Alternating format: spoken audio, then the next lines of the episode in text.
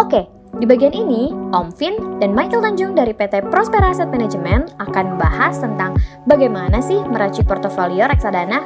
Hmm, tentu saja dalam konteks recovery setelah pasar modal tertekan akibat pandemi. So, selamat menyimak ya. Teman-teman, uh, saya pikir Om Vin juga punya pandangan yang sama ya. Jadi artinya uh, kurva recovery dari uh, akibat dari COVID ini nampaknya bisa bisa berpeluang lebih cepat apalagi beberapa uh, apa bukti-bukti nyata yang terjadi. Misalnya begini, kalau Om Vin melihat uh, Dow Jones yang sebelum adanya COVID itu di level 28.800-an, kemudian turun tajam sampai ke level di bawah 20.000 lah ya, sampai ke 18.000 bahkan ya.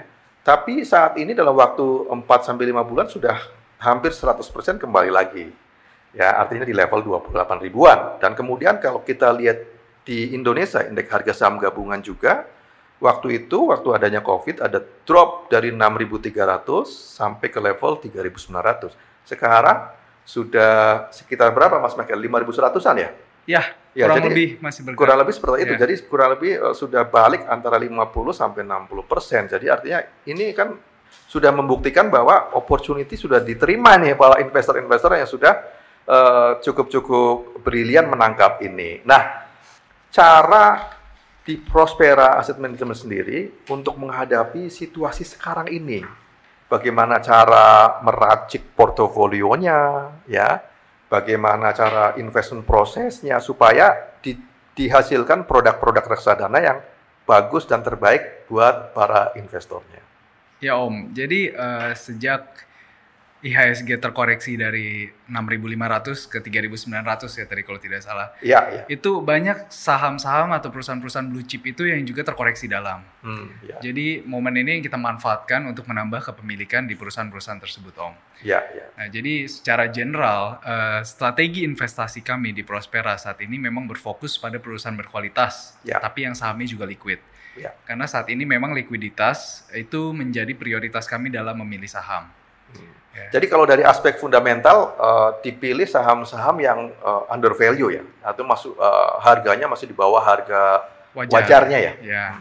Ya, jadi tadi kalau saya boleh uh, elaborate sedikit, jelaskan sedikit tentang uh, perusahaan berkualitas itu. Jadi ya. yang kita lihat perusahaan berkualitas adalah perusahaan yang biasanya memiliki bisnis sol, uh, bisnis model yang solid, hmm. gitu ya. Jadi ya. di tengah pandemi seperti ini mereka masih bisa bertahan karena ya. produk atau jasanya itu masih diminati, masih diinginkan ya. oleh masyarakat atau consumer gitu ya. ya. Jadi mereka tanpa harus banting harga gila-gilaan, mereka hmm. masih bisa maintain revenue share-nya om. Oh. Ya dan ya, ya. biasanya perusahaan-perusahaan ini juga memiliki economy of scale uh, dan juga competitive advantage yang cukup baik. Jadi uh, di masa-masa sulit krisis seperti sekarang ini mereka juga masih bisa maintain profitabilitasnya gitu.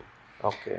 Oke, okay, uh, eh, Mas Michael, pengen tanya lagi nih Om Vin ya, uh, lebih lanjut. Uh, produk-produk reksadana dari PT Prospera Asset Management sendiri seperti apa profilnya? Kemudian lebih banyak dia uh, karakteristiknya seperti apa sih? Yang nanti uh, dianggap ataupun uh, diyakini sebagai andalan yang bisa kompetitif bagi uh, investor-investornya. Jadi di Prospera sendiri kita memiliki tiga reksadana saham, Om Vin. Ya. Tiga reksadana saham ini memiliki fokus investasi dan tujuan investasi yang berbeda. Ya. Jadi uh, yang pertama itu kita punya yang namanya Prospera BUMN Growth Fund.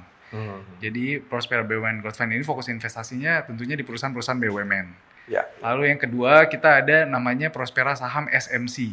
Nah, SMC sendiri singkatan dari Small Mid Cap. Jadi produk ini uh, fokus investasinya itu di perusahaan berkapitalisasi kecil dan menengah. Ya, ya. Nah, yang terakhir itu untuk reksadana saham kita ada namanya Prospera Bijak. Nah, Prospera Bijak ini bisa dibilang yang paling fleksibel om, hmm. karena batasan investasinya itu lebih luas. Artinya memang temanya sendiri itu bisa dibilang freestyle gitu. Ya.